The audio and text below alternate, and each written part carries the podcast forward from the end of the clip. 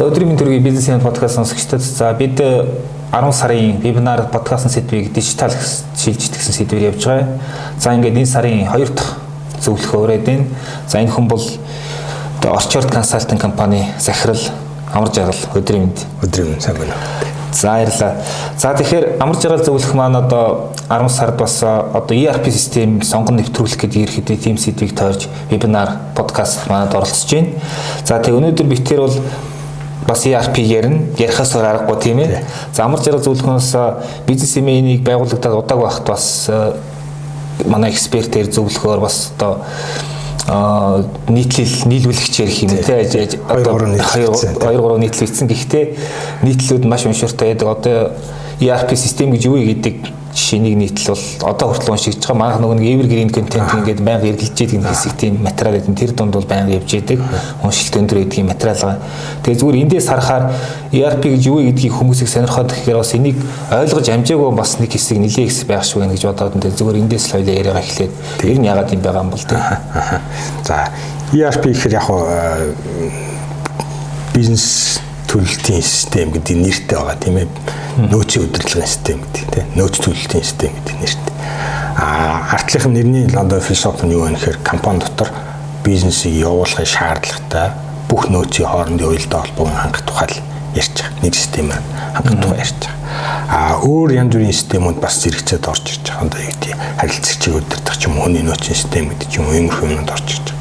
Эднэртэй харьцуулахад ERP системийн гол одоо онцлог юу вэ гэхээр компани дотор ширээ дамжаад гэх юм уу тий компьютер дамжаад компани дотроо явж байгаа мэдээллийн урсгалыг л нэг системээр ерөөхдөө удирдах байгаа. Тэгэхээр компани нэг хүнтэй өнө 5 хүнтэй байна уу 50 хүнтэй 500 хүнтэй байна уу бүгдээрээ л хоорондоо уялдаатай ажиллах хэрэгтэй. Тайлан балансаа гаргах хэрэгтэй, бараа материал худалдаж авах хэрэгтэй, ажил үйлчилгээ хийх хэрэгтэй, борлуулах хэрэгтэй. Энэ бүх юмнуудыг ерөөхдөө нэг системээр авч явах зорилготой юм байна, тийм ээ. Аа ERP ч бас одоо юу гэдгийг зөөрлөл нөгөө нэг одоо баг л одоо машин гэсэн үг гэдэг ба шүү дээ. Тэгэхээр яг тэр талаас нь илүү ярил одоо их та энгийн үгээр илүү тайлбарлал тий. ERP бол ерөнхий нэр. Машин гэдэгтэй адилхан ерөнхий нэр. Аа машин гэдэг ярангууд бид нар зөндөө олон машин үйлдвэрлэгч байна. Зөндөө олон машин импортлогч компаниуд байна. Тий. Тэд нар дунд л ерөнхий нэршил багтдаг. Аа тэгэхээр яг түрүү хэлсэнчлэн компани доторх үйл ажиллагааг зохион байгуулах шаардлагатай. Энэ дээр л одоо тухайн компани онцлог таарсан, тухайн компани үйлчлэгэнд таарсан, дотоод зохион байгуулалт таарсан, эрэлт хэрэгцээнд таарсан системийг ерөнхийдөө ERP гэж хэлж байгаа. А машин бол бүгдээр бид нар бол бүгдээрээ мэдж байгаа тийм ээ. Машин бол одоо хүн болгон машин бариа сурцсан. А зүгээр ERP дээр төвхтэй юм юу вэ гэхээр бид нар хэдийгээр одоо би жишээ машин барьж байгаа ч гэсэн машин дотор яг өөрөө юу байд юм бэ гэдгийг бол харах мэдгүй. Одоо хамрын сүхэж хараад би тэр дотор юу байгааг анзаарч мэдгүй тийм ээ. Ямар ч үсэн машин нэг цэгээс нөгөө цэг рүү өргөж ийн гэдэг юм баг. Тэгэхээр ялангуяа сайн ERP бол нэг ийм их хэв шинж хангасан байх хэрэгтэй. Өөрөөр хэлбэл тухайн хүн ERP ашиглаж байгаагаа ашиглаж ийн ашиглаж ийн. А гэхдээ тэр нь бол хэрэгцээг хангах хэрэгтэй байна. Тухайн хүний хэрэгцээг хангах. А хүний хэрэгцээ гэдэг нь ERP дотор нэг төвхтэй юм юу нэхэр одоо байгууллагын бүх одоо тэр ширээ дамжин гэхээр өөр өөр ойлыг хамарсан байдлаар явж байгаа учраас тэр олон хүмүүсийн мэдээллийн хэрэгцээ мэдээлэл боловсруулах хэрэгцээг нэг системээр хангах гэдэг асуудал явж байгаа. Энэ дээр гол одоо юу гэдэг нюанс нэг юм уу төвхтэй яшиг төвхтэй нөхцөл байдал нь оршиж байгаа. Одоо нөө ERP систем нэвтрүүлэх тийм төслүүдийн 70 80% фейлдэг гэсэн нэг тийм тоо яваад байдаг шүү дээ. Тэгэхээр юу гэдэг одоо ERP одоо нэвтрүүлэхэд бэлтгэгдсэн бизнес гэж юм байх гэдэг нь үү те одоо нэг боловсрцсан гэх юм одоо дижиталчлах тийм шаардлагатай болчихсон. Яг компаниг одоо зүгээр ERP гэдгээсээ үл хамааруулаад компани өсөлт хөгжилтийг ярих юм бол бас нэг 3 4 үе шат явж байгаа тийм ээ. А ялангуяа цахимжих гэдэг дээр бол бүр онлын хувьд ингээд дөрөв хуваацсан байж байгаа. Тэнгүүд тухайн компани яг ямар шатн дээр явж байна гэдгээс хамааруулаад ERP-ийн төсөл янз бүрийн байдлаар хэрэгжиж байна. А нөгөө талд нь бас ERP гэдэг маань олон хэв шинжийн ERP баг. Өөрөөр хэлбэл а таны хүссэн машины чинь бид нэр ухсраад өгнө гэдэг а нэг ERP байна. А нөгөөдөл нь болохоор бэлэн ERP буюу одоо тодорхой хэмжээний чанарын шалгуур хангасан тийм ERP системүүд бол байж байгаа. Монгол бол аль аль нь байгаа тийм ээ. Тэгэхээр бол маш олон хүчин зүйлээс хамаарсан одоо юу гэдэг ERP төсөл гэдэг бол маш олон хүчин зүйлээс хамаарсан тийм үйл хэрэг байна л да. Тийм одоо юу гэдэг төслийн багийн гишүүдийн аашаа ашингаас хамаарна. Хоорондын ажилт нь хоорондын уялдаа холбоотой байдлаас хамаарна тий компани соёлоос хамаарна а тухайн одоо бол хэр туршлагатай мэдж ийн вэ олон талаас нь харах чадвартай гэдгээс хамаарна гэдэг ер нь бол олон юм хамаарч байгаа. Тэгэхээр тэр нөгөө харьцуулахад олон тооны одоо сая 70% гэж ярьж байна. ERP төсөл фейлцэн гэдэг бол арталт нь дэвшин шалтгаан бол тийм баг. А энэ тоо бол яг Монголд бол ямар байдаг вэ? Харах нь судалгаа бол байхгүй шүү дээ. Дэлхийн даяар бол ерөнхийдөө ингээд ERP бол одоо хичнээн сайн хүмүүс оролцсон ч байсан филдэх магадaltaй, эрсдэлтэй олон хүчин зүйл нэгд ор цугласан тийм учраас их хэмжиг байдаг гэдэг. Аа тэгвэл одоо хамгийн сайн ERP нэвтрүүлсэн тийм одоо дэлхийн сонгогдож жишээнүүд гэж байгаа юу бас тий. Тэдний онцлог нь яг юунд байна? За сонгогддог жишээ ч яг юу нь бол хичүүд ер нь бол ингээд юм сайхан асуудалгүй явчихаар бол хүн тэрнийг анихт гэж гадуур яриад юм тэр нь бол бага л та. Тий.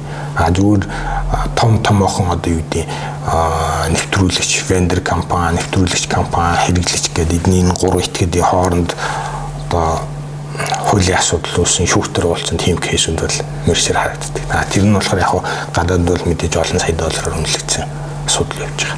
А Монголд бол тийм юм бол хараахан байхгүй ганцны тохиолдол бол байж байгаа. За Монголын компаниуд ч юм бол одоо яг дэлхийд харьцуулж жижигхэн шүү дээ тийм мэдээж. А тэр дотроо ингээд одоо нэг яг үйл ажиллагаа явуулж байгаа нэг 50 60 мянган компани гэсэн тоо байнга явдаг. А тэдний 80 90% нь бүр жижиг тий.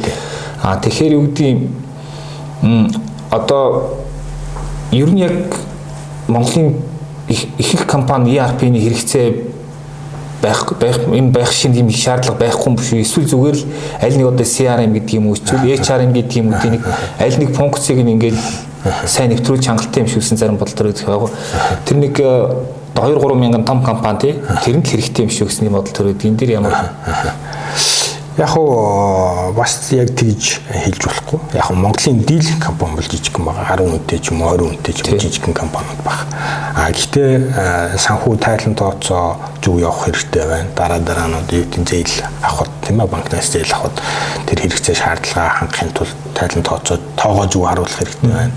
А мартаж сансан одоо хүний угаасаа тархины хязгаар бол байгаа тийм ээ. Хүн ядарна, стресст нь өглөө бодож исэн юм орой мартна гэдэг чинь иймэрхүү хүний угаасаа байгалийн бүтээгдэхүүн гэдэг утгаараа хязгаар бол баг. Тэрнийг одоо ерөөхдөө IT-ийн давуу талыг ашиглаж хоорондоо уялдаатай, эцэгчтэй, стандартын дагуу тийм болох зорилготой юм эхэлж байгаа шүү дээ. Тэгэхээр ер нь бол яг манад бол нөгөө нийт масаар нь ERP одоо санал болгож байгаа тийм үйл хэрэг хараахан алга байна. Яг уу ганц нэг cloud тий үйл нь ERP гэдэг юмд шийдлүүд бол нэлээ одоо сүүлийн 3 4 жилээс явж байгаа. Гэтэ маш их бол хараахан хамраагүй байна. Том компаниуд бас ийшээгээ ингээд том ERP дотоодын ERP вендорууд энэ энэ тал руу ажиллах хэрэгтэй гэдгийг бол бодож байгаа. Тэгэхээр бол тэр бүтээгдэхүүн эргээд бэлэн болоо зах зээлд шаардлага хангаа чанартай байх юм бол эрэлт хэрэгцээ бол байх. Аа за дунд хэмжээний компаниуд бол зайлшгүй хэрэгтэй. Аа том компаниуд ч гэсэн зайлшгүй хэрэгтэй. Аа энэ дээр бол яг хуу Монголын нөгөө зах зээлийн нөхцөл байдлыг харах юм бол бид нэр 2000 оны ихээр нэг давлгаа явсан. Аа сүүлийн 10 жил бол төрөл бүрээр оролдож үзэж байна. Тий. Одоо дахиад нэг давлгаа явах гэж. Одоо нэг тийм одоо юу тийм ямар хөө юм байдгийн төсөөлөлтөй болцсон яаж хэрэгжүүлдэг ямар алдаа гардыг гэдгийг өөрөө мэдж байгаа. Зах зээл бас энэ талаар мэдээлэл нэлээд цуглуулж учраас одоо яг зөв хийя гэдэг нэг тийм авлага явах байгаа шиг надад бол байна. Аа. Орчирд консалт бол одоо 10 гаруй жил болж байгаа те байгуулагдаад нэг одоо цөөхөн том төсөл төрөл голдуу ажилласаар гад ирсэн ажилласаар л шиваа тийм ээ. Тэгэхээр зүгээр өөрсдийн туршлагаас харахад одоо ERP гэдэг чинь 10 жилийн өмнө ингэж ойлгож ирсэн бол одоо нэг иймэрхүү байсан мэн те. Ер нь яг ямар хуу гол хөндөрлүүд гардаг одоо бол та ингээд практик дээр туршаад ингээд бас одоо тос өөх тосны ялгараад ирлээ шүү дээ. Яг энэ туршлага талаас ярил яаж вэ? Аа яг зах зээл дээр бол сүүлийн 10 жил нэг хоёр юм явсан байгаа. Хоёр чиглэл явсан байгаа. Нэг нь болохоор манай дотоодын компаниуд өөрсдөө захиалагчийн хүсний дагуу хэрэг ERP хийж өгнө гэдэг нэг урсгал явсан. Энд дээр бол дотоодын вендор компаниуд бол нээлттэй их open source програмууд ингээд энэ хоёр чиглэлээр эхний чиглэл нь бол энэ багт. А нөгөө чиглэл нь болохоор компаниуд за 2011 оноос эхлүүлээд ялангуяа том компаниуд бол нэлээд хөрөнгө зардалтайгаар гадны сайн системүүдийг аваад нэвтрүүлээд явсан. Өөрөөр хэлбэл нэлээд одоо зайлшгүй хэрэгтэй байна. Сайн бэлгийн чанарын хангасан юм хэрэгжүүлье гэдэг байдлаар харьцангуй өндөр төсөвтэйгээр ингээд явсан. Энэ хоёр одоо юу гэдэг урсгал бол сүүлийн 10 жил нэлээ тез нь олон болоод а энэ дэр нэгтгэхэд дүгнэх тийм боломжтой болж эхэлж байгаа. Бодитоор дүгнэх, бодит фактн дээр дүгнэх юм нөхцөл байдал бол үүссэн байна. А тэнгууд нөгөө түрүү ярьсан би одоо машин барьж чадж байгаа бол машин ямар бүтцтэй вэ гэдгийг хэлж захиалах бол надад бол жишээ нь төвхтэй байхгүй. Тэнгүүд ERP гэдэг дээр бол ингээд эхний урсгал дээр буюу та бүхний хэлсэн юмыг хийгээд өгье гэдэг урсгал дээр хоёр асуудал байна. Хоёр үнцэн асуудал. Нэг нь болохоор захиалагч маань өөрөө юу хүсэхээ бас сайн мэдгүй байна. Ер нь ихэнх нь их тохиолдолд тийм их л мэдгүй байна. Ягаад тэгэхээр мэдээж ажлаа бол сайн хийж байгаа. А гэхдээ миний хийж байгаа үйлдэл ERP гэдэг маань нөгөө ширээ дамнаа компани дамнасан гэдэг э, системийн онцлог байгаа шүү дээ. Миний хийж байгаа үйлдэл бусад нөтгүүдэд маань яаж нөлөөлөх вэ? А би нэг тоо нэмүү бүглэх үү? Хоёр тоо нэмүү бүглэх үү? Тэр нь хаана очиж харагдах ёстой вэ гэдэг дээр өөрийн одоо үндсэн чиг үүргээс гадна бусдыг агуулж бодох гэдэг шаардлага байна. Энэ бол жоохон хомс байна. Тэгээ ялангуяа одоо бизнес процесс гэж үгтлийг ашиглаа ярьж байгаа. А энэ дээр бол тухайн одоо юу гэдэг аж үйлдвэрийн чиглэлээр, эдийн засгийн чиглэлээр, бизнесийн чиглэлээр туршлага хоригдлуулах боломж бол Монгол угаас хомс. Тэр нь болохоор яаж юм? Бид нар бол эдийн засгийн хувьд жижиг юм. Аа томоохон компаниуд, тухайн салбар дээр ажилладаг компаниуд тийм бол тооны хувьд бол маш зөв. Тийм ээ. Одоо шингэн үсгээр магадгүй нэг 10 том компани байгаа. Тийм. Одоо уул уурхай гэхээр яг олон компани байгаа. А гэхдээ дийлгийн арчин жижиг компани. Тийм учраас яг тухайн процесс талаасаа мэдлэг хөндлөх боломж нь Монгол өөрөө хомс тий. Энэ бол зүгээр л масштаб явагдаж одоо туусан цаг хугацаа ч гэсэн тийм юм тий. Тэгэхээр ингээд захиалагч талаасаа чанартай ажлын даалгавар гаргах боломж нь ингээд физикли хязгаарлагдаж байна. За нөгөө талаас нь тэр захиалгыг хүлээж аваад систем бий болгож байгаа. Одоо хөгжүүлэгч компаниуд байгаа. Тийм ээ. А энэ дэр нэг манай IT салбарын давуу тал нь эргээ сул тал болж байгаа. Тэр нь юу вэ гэхээр бид нар бол гагуу болсон хүчин бэлдээ явж байгаа боловч тэр болсон хүчнүүд маань эргүүлээд тодорхой хязгаараас дээшээ чадвархан тодорхой хязгаараас дээшээ гарахаараа дэлхийн хүн болоод явчихж байгаа. Тийм ээ. Монгол заавал байх шаардлагагүй гэдэг чинь. Ингээд эргүүлээд нөгөө вендор компани болсон хүчин доктортой ажиллаж ийж энэ том системийг чинь урт хугацаанд чанартай авч явах хэрэгтэй энэ асуудал бол байгаа. А хоёрдугаарт яг систем үйлдвэрлэл гэдэг маань одоо програм бичнэ гэдэг маань эргүүлээд тодорхой хэмжээний аж үйлдвэрийн салбар байна. Чанарын удирдлага байна. Бид нэр машин үйлдвэрлэлээ явахад хамгийн сүүлийн чанарын шалгуу бас ижил байгаа шүү дээ, тийм ээ. Эсвэл хувцас үйлдвэрлэлээр дахиад чанар чанарын ялт орж ирж байгаа байхгүй. Аа, Монголын дотоодын компаниуд дэр яг энэ чанарын удирдлага гэдэг юм сүүлийн нэг жил ирээтэй, хоёр жил ирээтэй хугацаанд. Тэгэхээр өмнөх одоо юу гэдэг үйл ажиллагаанд бол мэдээж байсан. А гэхдээ энэ бол шаардлага хангах хэмжээнд чанарын удирдлагатай вендор компаниуд бол хомс баг. Тэр нь болохоор эргүүлээд нөгөө гарч иж байгаа асуудлуудаас нь л харагдчихлаа юм л да. Ягаад тэгэхээр нэг асуудал шийдэхээр нөгөө асуудал гарч ирдэг иймэрхүү юмд бол ялангуяа тэр захиалгаар хийдэг програм үед бол маш их баг. За дараагийн хэлбэр болохоор нөгөө бизнес систем бодлож ярьсан тийм ээ. Клауд голдоо тийм. Аа клауд байна уу юу байна уу гэдэг нь бол яг дараагийн асуудал. Тэр бол нөгөө систем хаана байрч ийнэ гэсэн асуулт байхгүй. Аа зүгээр а хоёрдугаар урсгал гэж түрүүнээс ярьж байгаа юм болохоор тодорхой хэмжээнд чанарын шаардлага хангасан гадны бизнес системүүдийг ярьж байгаа. А мэдээж дэлхий бол клауд руу явж байгаа учраас эдгээр системүүд бол байршлууд бол клауд байдлаар одоо дийлэнхтэй санал болгох юм тренд бол сүүлийн хэсэг хугацаанд байна. А 2011 оноос хойш бол Монголын компаниуд өндөр дүнтэйгээр томоохон төслүүд хийж одоо явсан тийм ээ. Одоо нэг 10-аад жишээ магадгүй байгаа тийм. А энэ дэр бол ер нь бол сайн систем учраас ард нь бол гарч байгаа. Одоо жишээ манайх бол 13 онд моби дээр төслөө хийсэн. Тэрнээс өмнө бол Energy Resource бол Oracle систем авсан. Аа за сүүлд Apu систем авсан байна. Oracle-ыг авсан байгаа. Аа шунхлаа гадны систем хийж аа номын гадны систем хийж байгаа. Ингээд Монголын компаниуд одоо ялангуяа групп компани юм уу товхон компаниуд бол энэ чиглэлээр хөрөнгө оруулж сурч байна тодорхой хэмжээнд төсөв батал чадж шít энэ залшгүй шаардлагатай маань гэдэг бол ойлгож Тэгэхээр яг тэр тал дээр бол нэлээд тийм давтамж нь бол ойртож байгаа.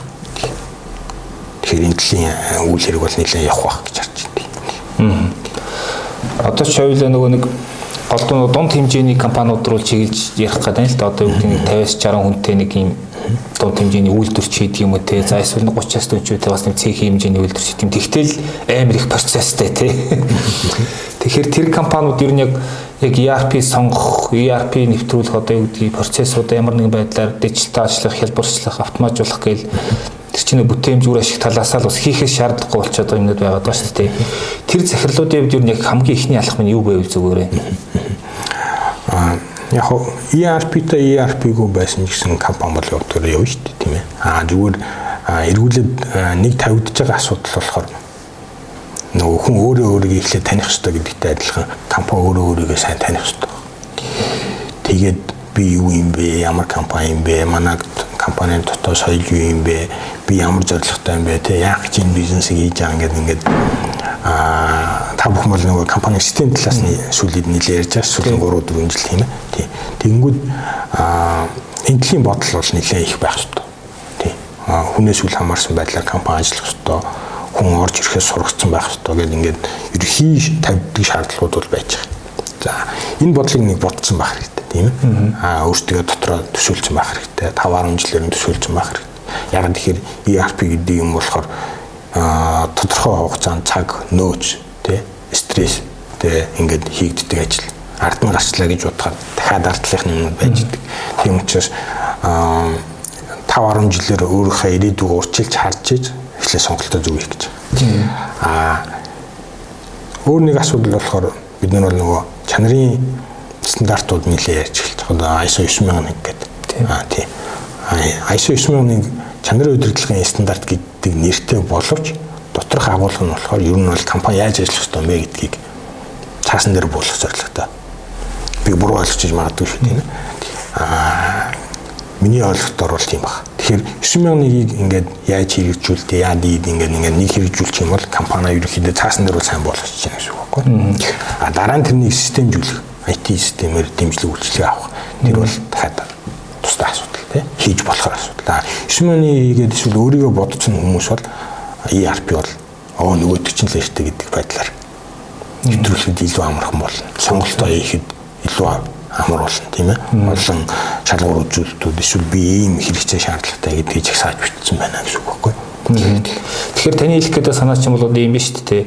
Одоо тухайн ажиллаж байгаа салбарынхаа одоо юу гэдгийг тэр тухайн салбарт тэр нь яаж ажил явагдах гэдгийг эхлээд ингээд ийм процессыг нь ойлгоод таниад авчих те одоо юу гэдгийг хүнсний үйлдвэр бол тэр холбоотой стандартууд нь ямар хэд ямар хөө гэдгийг эхлээд нэг дижитал технологи гэхээсээ илүү те тэр процессыг ойлгочоод тэрийг дараа нь дижитал гэж хэлэх гээд нүсэл одоо юу гэдгийг тухайн салбарын ажил жишээ нь махны үйлдвэртэй хүн бол тэр салбарын ажил яаж явагдгийг мэдэхгүй ээжээж шууд дижиталлах нь утгагүй гэж хэлэх гээд байна. Тэгээ одоо ERP гэдэг бол яг тухайн компани ингээ бүхэлд нь нэг систем рүү уялдуулах гэдэг шүү дээ.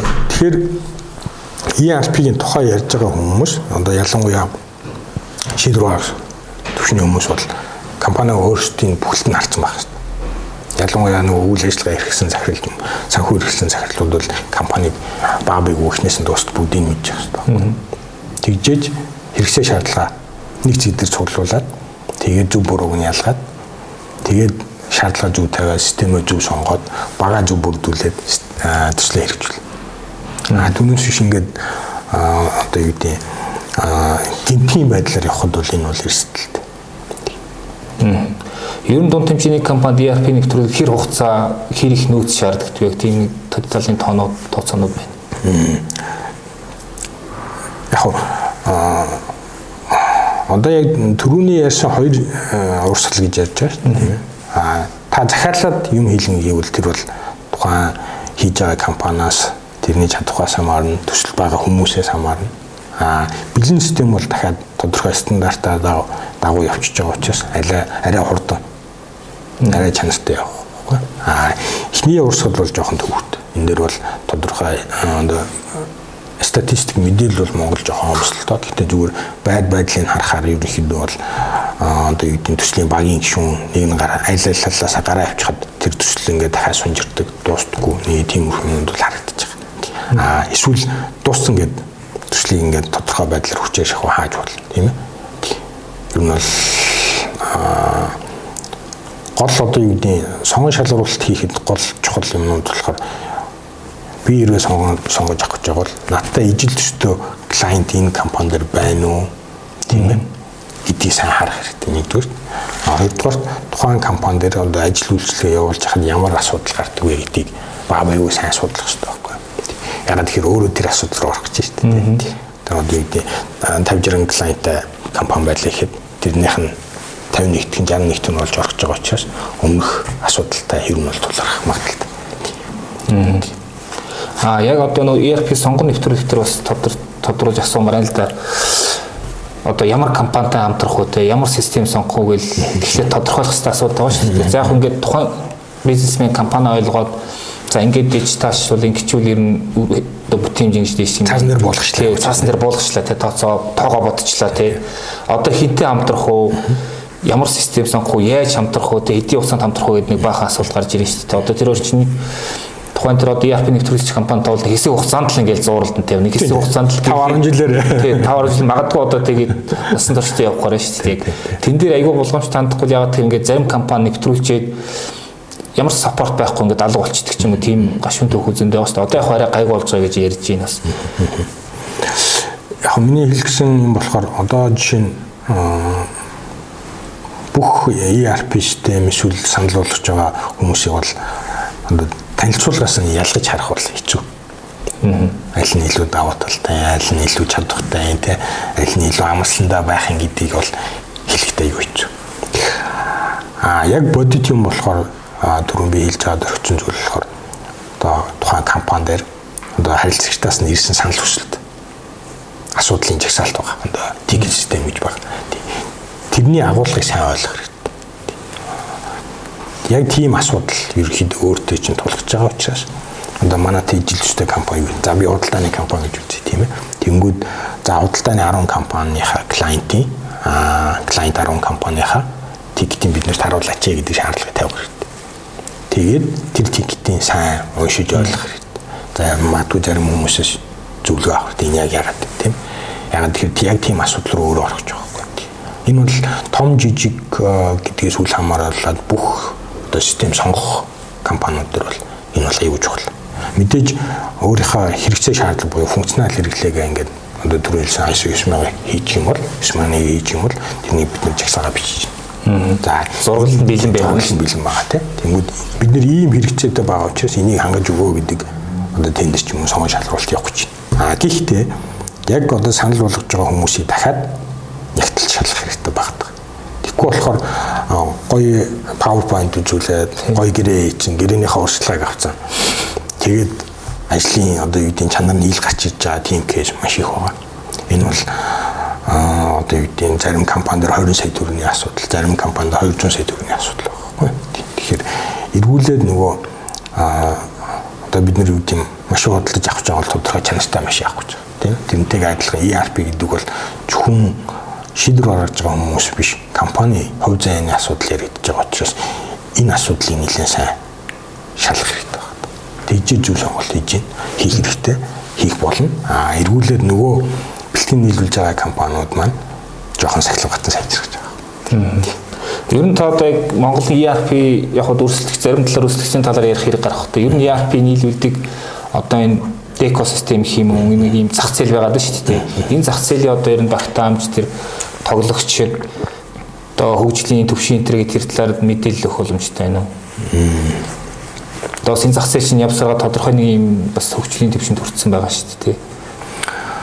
За сая болохоор яг хуу нэг хэсэг хугацаанд Монгол нэлээ их стартапаар явсаглаа. Тийм ээ. Ленд юм гарч ирснээс хойш ер нь бол IT руу мөнгө хийх хэрэгтэй байна болт юм байна, бизнес байж болт юм байна гэдэг ингээд нэлээд тийм стартап байдлаар явсан. Хэлбэл Монголын боловсролын систем бол яг одоо энэ IT талаас болсон хүчин аюу цөнийг бэлдэж магадгүй 1% тий. Одоо төлсөгчдийн жагсаалтыг харах юм бол нийт төлсөгчдийн 1% нь хөгжүүлэлтээр сурдаг ч юм уу, програм хангамжаар сурдаг ч юм уу, IT-тэй холбоотой мэрэгчлэр сурч байгаа. За магадгүй 3 хөгжүүд. Тэнгүүд тэр дундаас дахиад одоо юу гэдэг чанартай гэх юм уу тий он сурдгууд нь ингээд ингээд хэдүүлээ тооллонгод ингээд нэг хэсэг ингээд савлсан. Одоо жоохон тогтворч байгаа. Тэгэхээр яг хуу тэр төлийн болсон хүчин бол жоохон тогтворчод ингээд вендор компаниуд дээр ажиллах. За яг дотоодын вендор өөрсдөө системээ одоо санал болгодог, өөрсдөө бүтээдэг компаниуд бол доторх тооны компаниуд байгаа тийм ээ. За Interactive BI компани салбарын уган тоглогч тий. Одоо оч гэдэг нэртэй ERP гарсан хүмүүс бол Diamond гэдгээр сайн мэдж байгаа. За интерактив компани бол Viditech ERP хийж байгаа. За Dynsoft гэдэг компани, Smart Logic гэдэг компани. За өөр одоо юу би бүгдийг бас хэлж мэдгүй л юм тий. Ингээд ерөнхийдөө өөртөө гараасаа энэ бүтээгдэхүүнийг хөгжүүлж гаргадаг хүмүүс байна. Компаниуд байна. За өөр нэг том олон луг бол Open ERP, Odoo ERP-ийн одоо систем нэвтрүүлэх компаниуд байна. А энэ хүмүүс бол тодорхой хэмжээнд бэлэн систем аваад а дахиад нэмэлт хөгжүүлэлт хийгээд төсөл хэрэгжүүлж байгаа. За нөгөө талд нь дахиад хоёрдугаар урсгал гэж яриад байгаа гадны бэлэн систем аваад нэвтрүүлж байгаа. Тэр хүмүүс бол яг тооны хувьд бол нэг олон болохгүй байна. Алга боллоо тийм ч. Энэ л хэцүү багш байх. Аа Microsoft Dynamics дээр 2 3 компани байгаа. Inter Solution Management гэж компани байна. EM Consulting гэдэг компани байна. За өөр бусад бол дандаа гаднаас ирж хийж байгаа. Одоо Oracle-ыг бол гаднаас интегрээс ирж хийсэн байна, тийм ээ. Хятадаас ирж хийсэн байна. За манай SAP дээр бол дахиад хятадын компани орж ирээд хийж байна. А яг манайх шиг бол ингээд дотоод компани, дотоод одоо саппорт, дотроо ажил үйлчлэгээ үзүүлдэг тийм итгэд бол 10 хэд дүнтэй компани бол ер нь бол хомсол байна л да. Тэр талаас гэхдээ одоо зүгээр нэгэн тийм хөгжил нэлээд гарч ирэх болов гэж харж байгаа. Одоо ингэ зүгээр би боддгийн одоо ялангуяа боловсруулах салбар, хөдөө аж ахуйн салбар гэж нэг нийлүүлэлтийн сүлжээн ингээд задарцсан ийм салбарууд байгаад байна шүү дээ. Одоо аялал жуулчлалхэд яг тийм нэмэн үртгэхийн гинжи хэлэх юм ороод гоё ингээд нэг гар нийсэн тоглолтууд байхгүй тий. Яг гоо том компаниуд MCS Energy Center-үүд бол тэр чинь бол тусдаа сэдв шүү дээ. А гэтэл яг бидний нэг ийм одоо мөнгө олох юм чинь ингээд ерөөсөө ингээд ийм одоо машин ярьсан ойл ингээд задлаад хийцэн машин шиг тий. Тэрийг яаж угсахыг мэдэхгүй байгаад байна шүү дээ. Тэгэхээр тэн дээр л манай энэ одоо юу гэдгийг дотоодын компаниуд ажилласаа тэн дээр гоё гоё Яг тэгэхээр гадныхны системийг шууд авцраад тавихад бас хэцүү. Таахгүй маш олон гарна те бидний хийсэн монголчууд ажил явуулах нь бас өөр орчин нөхцөл нь өөр болохоор яг тийм нэг монгол зориулагдсан ERP систем хөгжөөсэй гэж боддог байхгүй.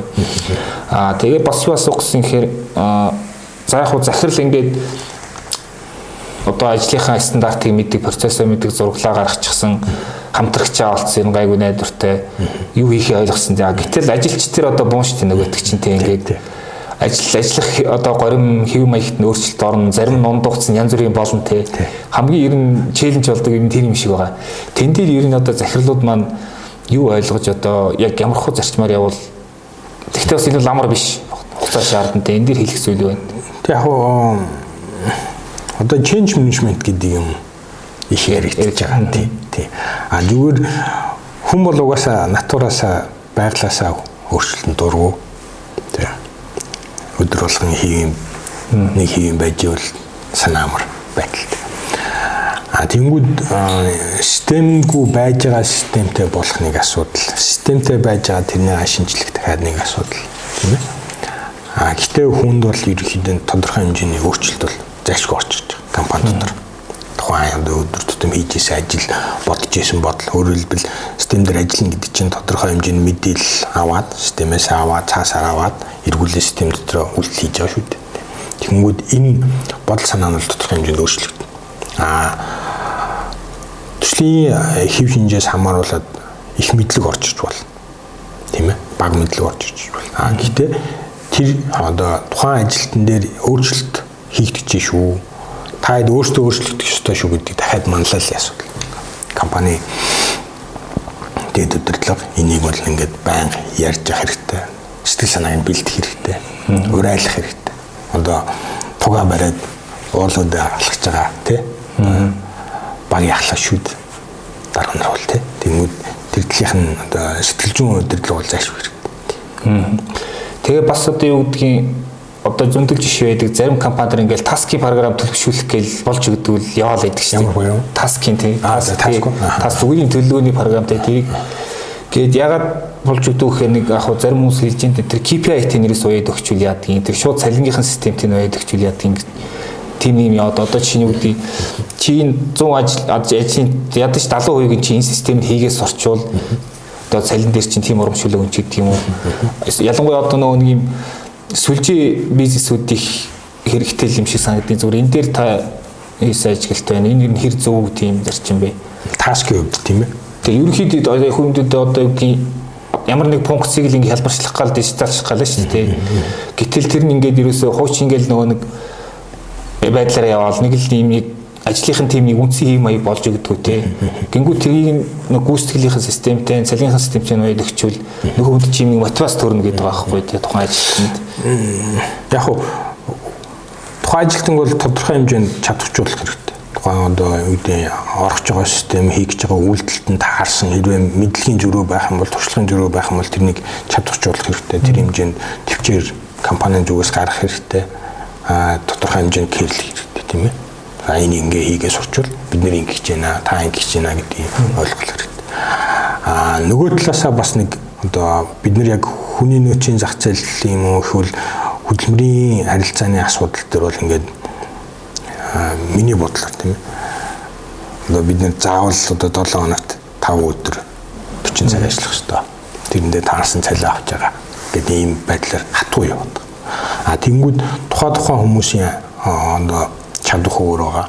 Магадгүй богино хугацаанд юм ачаад дараагийнхаа юм руу ордог юм. А иймэрхүү чадвахын ялгааг нь ил гаргах юм бол тэр хүмүүс өөрийнхөө төлөө явах байхгүй. Одоохондоо чадвахын ялгаа нь бол ил гараагүй. Тийм учраас би энэ ажлыг хийсэн ч ялаа, байсан ч ялаа гэдэг ерөнхий уур амьсгал бол Монгол байх. Тэгэхээр за чи 8 цаг дотор 10 юм хийжүүл юм 15 юм хийжүүл гэдгийг ингээд хүнд ойлгомжтой хэлжүүл дотоод зохион байгуулалтад тийм байдлаар өөрчилж юм бол ер нь бол хүмүүс тэр ажлыг хийн. Тэрэндээ дагаад өөрчлөгдөн тий. Аа. Одоо нэг ERP дээр ч бас нэг цаас эмнэх гэл юм ярьдаг штеп. Гэтэл юу гэдгийг зөвхөн цаас эмнэх ч бас гол зорилго биш байгаад гэж байна те. Ер нь аа яг нь одоо бидний мэдих том жишгээр авил ийм Монголиа гэдээ бас одоо юу гэдгийг энэ төрийн үйлчлэгээ гэдэг том юм одоо процессыг бас нэг юм ERP-шлэх гэдэг нь шүү дээ тий.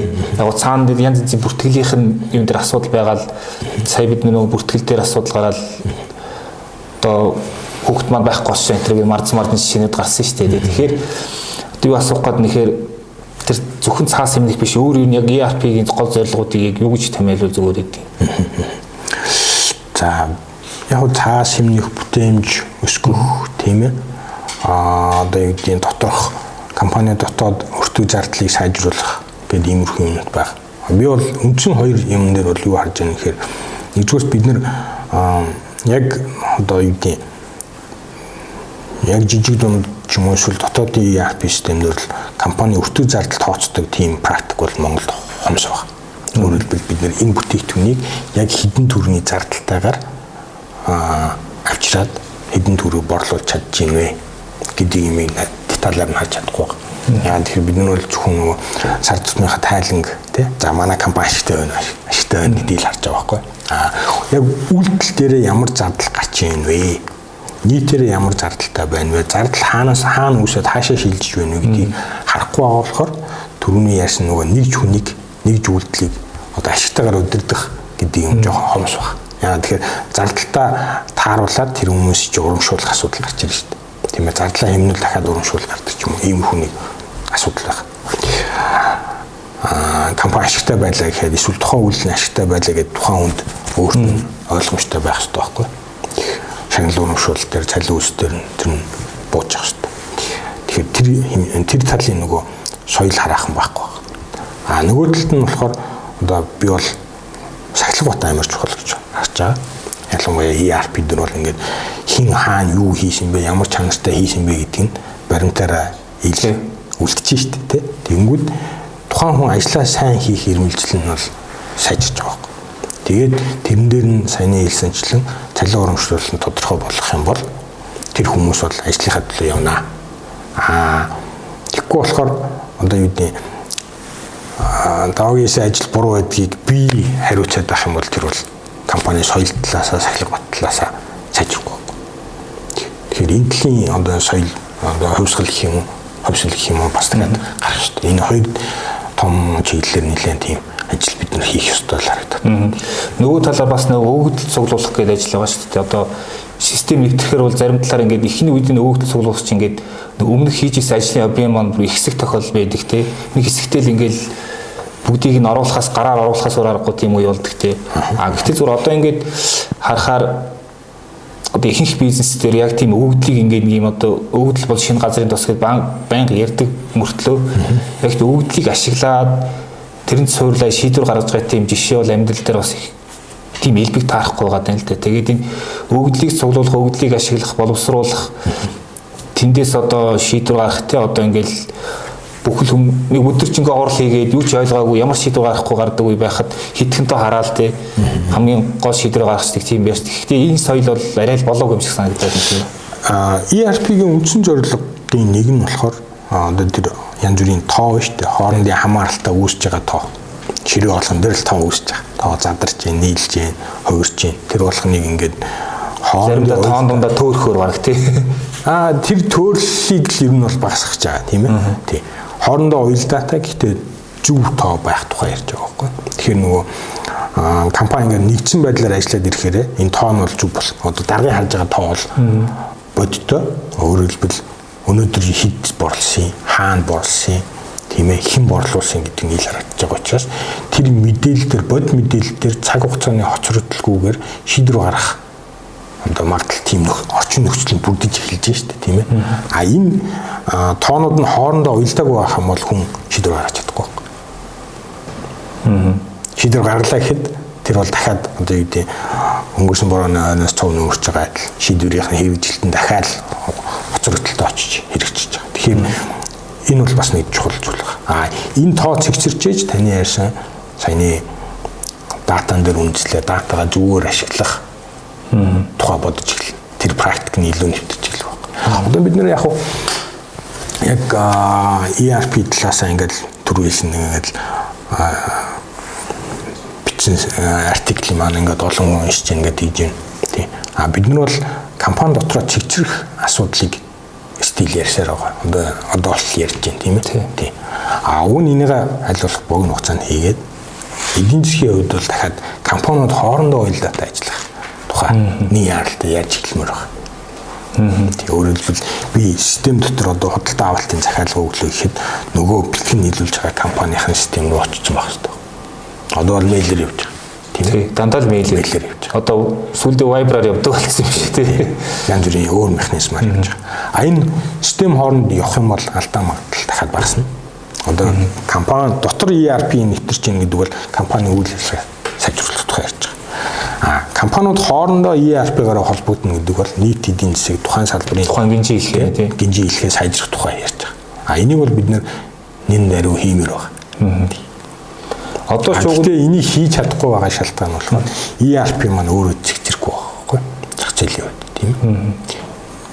Одоо жишээ нь хамгийн наадлын жишээ нь одоо хүнсний салбар гэтэл айгүй олон тийм хамгийн ер нь хамгийн том гинжи хэлхээ шүү дээ. Ингээд бэлтгэн нийлэгчээс эхлээл маш олон шат амжилттай олон оролцогчтой олон тооны стандарттай. Гэтэл уг нь стандарт бол хүнсний салбарт хангалттай байгаа ингээд одоо чанарын стандарт төсөөлөл эрүүл ахуй аюулгүй байдал энэ төр гэл. Гэтэл нөгөө нэг юм одоо шинэ үдгийн сав баглаа бодол үйлдвэрүүд нөхөр чинь тэр нөгөө нэг тухайн яг үндсэн бүтээгдэхүүн үйлдвэрлэж байгаа нөхдөр ямар стандарт хэрэгжийг мэдэхгүй те. Сабаглаа бодлонд өөрөө бас стандарт мөрдөх ёстой гэдгийг ч мэдэхгүй ингээд хоорондоо ингээд нөгөө хилээ ойлголцохгүй байгаа тахаар чинь юу ERP л болоод байна л дээ тий. Яг мэдээж одоо IT системээс гаднах зохицлох ёстой юмнууд бол стил байгаа. А гэхдээ одоо миний хувьд яг санаа зовоод байгаа юм болохоор ERP хэрэгжүүлж байгаа одоо юу гэдгийг төслүүд маань өөртөө ингээд нэг төсөл маань сайжирч ээж дараа өөр төсөлтэй тий. Одоо юу гэдэг нэг компани сайн ажилтдаг ERP-тэй саадгүй ажилтдаг ERP-тэй болж иж бусдтайгаа холбогдох хэрэгтэй байхгүй. Тэгэхээр дахиад цаасан дээр боловсруулах юмнууд байна, сайжруулах юмнууд байна, зохицуулалтын хувьд сайжруулах юмнууд байна, банк санхүүгийн хувьд сайжруулах юм байна. А гэхдээ миний харж байгаа өнцөг болохоор яг би бол ERP ярьж байгаа учраас а ERP-нууд нь өөртөө сайжраад байх юм бол бид нэр эргүүлээд ингээд хоорондоо сайжрах гэдэг байна Тэгжээж одоо жишээ нь үгний саяны бэлтгэний эргэлтийн гинжи хэлхээ тэрний санхүүжилгээ дахиад ойлголт баг. Одоо бол санхүү банкнаас зээл яаж гарч байна? Та заавал барьцаа өрн тавих тий. Зээл авах шаардлагагүй гэдгийг нотлох. Гинжи хөл гинжи хэлхээс ямар өртөг гарч ийнэ гэдгийг ерөөс харах боломжгүй ч байгаа. Миний захиалга ямар байна? Би манай компани саадгүй ажилтгүй гэдгийг банк харах боломжгүй байгаа байхгүй. Янд а систем сайн болоод ирэх юм бол банк бол одоо яг сүүлийн үед бол яг та бүхэн сонсно үгүй бос барьцаасан посын орлого барьцаасан зээл гэдэг юм. Тэр нөх процесс нь мэдэгдэж байгаа ч гэсэн. Яг нэг зүйл дээр мэдэгдэж байгаа ч гэсэн тийм ээ. Барьж аваад ингээд одоо юу гэдэг тоолоор тавиад сууж яхад бол боломжтой шийдэл واخгүй. А одоо тэр нь томроод ирэх юм бол одоо үйлдвэрлэгч болдог ч юм уу бэлтгэн нийлүүлэгч болдог ч юм уу 50 хүнтэй 10 компани хоорондоо болоод ирэхээр энэ бол бусдад одоо ялангуяа банк санхүүгээд талаас мэдээлэл нь ил байгаад бодит байж их юм бол заавал одоо хөрөнгө барьцаалж зээл авах шаардлага бол эрс багасах байхгүй. Өөрөөр хэлбэл тэр санхүүгийн зардал бас дахиад багасах гэдэг шүү дээ тийм ээ. Одоо бол жишээ нь гэхдээ хаан банк жишээ нь голомтын пос ашигладаг хүний посын борцол барьцаах тийм боломжгүй байгаа шүү дээ ихэд нэ. Би бол деталаар бол сайн. Би яг зүгээр жишээ харж ишээгээл ярьж юм л дээ тий. Тэгэхээр яг хуу эндээс таны нэг ярьсан ингээд хооронд дээрээс нөгөө системийн төвшин ингээд холбогдож чадахгүй учраас эхлээд нэгдүгээр ямар ч мэдээлэл байхгүй нэ тий мэдээлэл байхгүй учраас ямар ч зээл гарах боломжгүй. Хоёрдугаар угаасаа тийм болохоор ихтгэлцэл нь байхгүй тий тэгэхээр том юм банкуд нэм өөр өөрийн системийг донд ингээд дотроо хөгжүүлээл тэгэл бүхэл өвдөл мэдээлэл ингээд дарчаал байхаатай л да. Үүний чинь ингээд одоо юу гэдгийг зээлийн мэдээллийн сан гэдэг шиг юм дата бас чөлөөтэй урсч байвал бас бараа материалын уурсгалыг дагаад ерөнхийдөө тэр чинь мөнгө урсгал явж байгаа шүү дээ. Тийм ээ. Монголын эдийн засаг ажиллаж байгаа бол тэр урсгал явж байгаа. А тэрнийг харах ёстой боддоор нь харах ёстой хэрэгцээ энэ тэнд байгаа байхгүй. За татврын хэрэгцээ байна. Ингээм татвараа цуглуулах зорилго хэрэгцээ. А ерөнхий бизнес яаж явж байна гэдэг статистик мэдээлэл нь байх ёстой. А банк санхүү санхүүжилтийн талаас бол тэр мэдээлэл бас нэгний шаардлагатай яаралтай чухал зүг байх нь чухал мэдээлэл байхгүй а одоо бол ингээд сарын тайлан хардаг ч юм уу хэдэн жилийн балансаар ингээ хараад явна гэдэг бол жоохон хоцрогдсон мэдээлэл төр хуч мэдээлэл төр үнслээ шийдвэр гаргаж байна. Одоо бид нар чи экспорт хийж чаддгүй юу чи нөгөө гадныхан чи ингээд за процесс ч ямар стандарт ч ямар тэр мэдээлэл чи байна вэхээр бид нар чи өгч чаддгүй тэгэл бүтээгдэхүүнүүд нь явж чаддгүй нэг биш байгаа шүү дээ. А бас одоо юу гэдгийг нөгөө авилгын сэдвтэй холбохоор ингээд нэг нөхөр нэг газар баахан бодлон авахчаад нөгөөтгөө зүгээр хайчаад өөр газар өөр юм нэрээ солиод өөр юм ихэд ингээд болоод байгаа байхгүй тий. Яг мэдээллийн хэрэгцээ шаардлага бол жишээ нь саяны хэрэг кейс дээр тий одоо чиглэлээр байна. Эсвэл одоо юу гэдэг ажил олгогчийн зүгээс ч гэсэн байгаа байхгүй. Одоо Монголд бол яг ингээд системжиг хараахан мэдээлэлээ одоо бид нар дундаа шийдлэхгүй байгаагаас үүдэлтэйгээр асуудлууд байх тий. За баярлалаа. Өнөөдрийн подкаст ингээ өндөрлөе хуус төрөл орох гээд байна шиг. Том сэдвэр орох байна шиг. За ингээд өнөөдөр манай зочноор Орчорд консалтинг компани захирал Амар жаргал оролцлоо. Танд амжилт хүсье. За баярлалаа. За баярлалаа.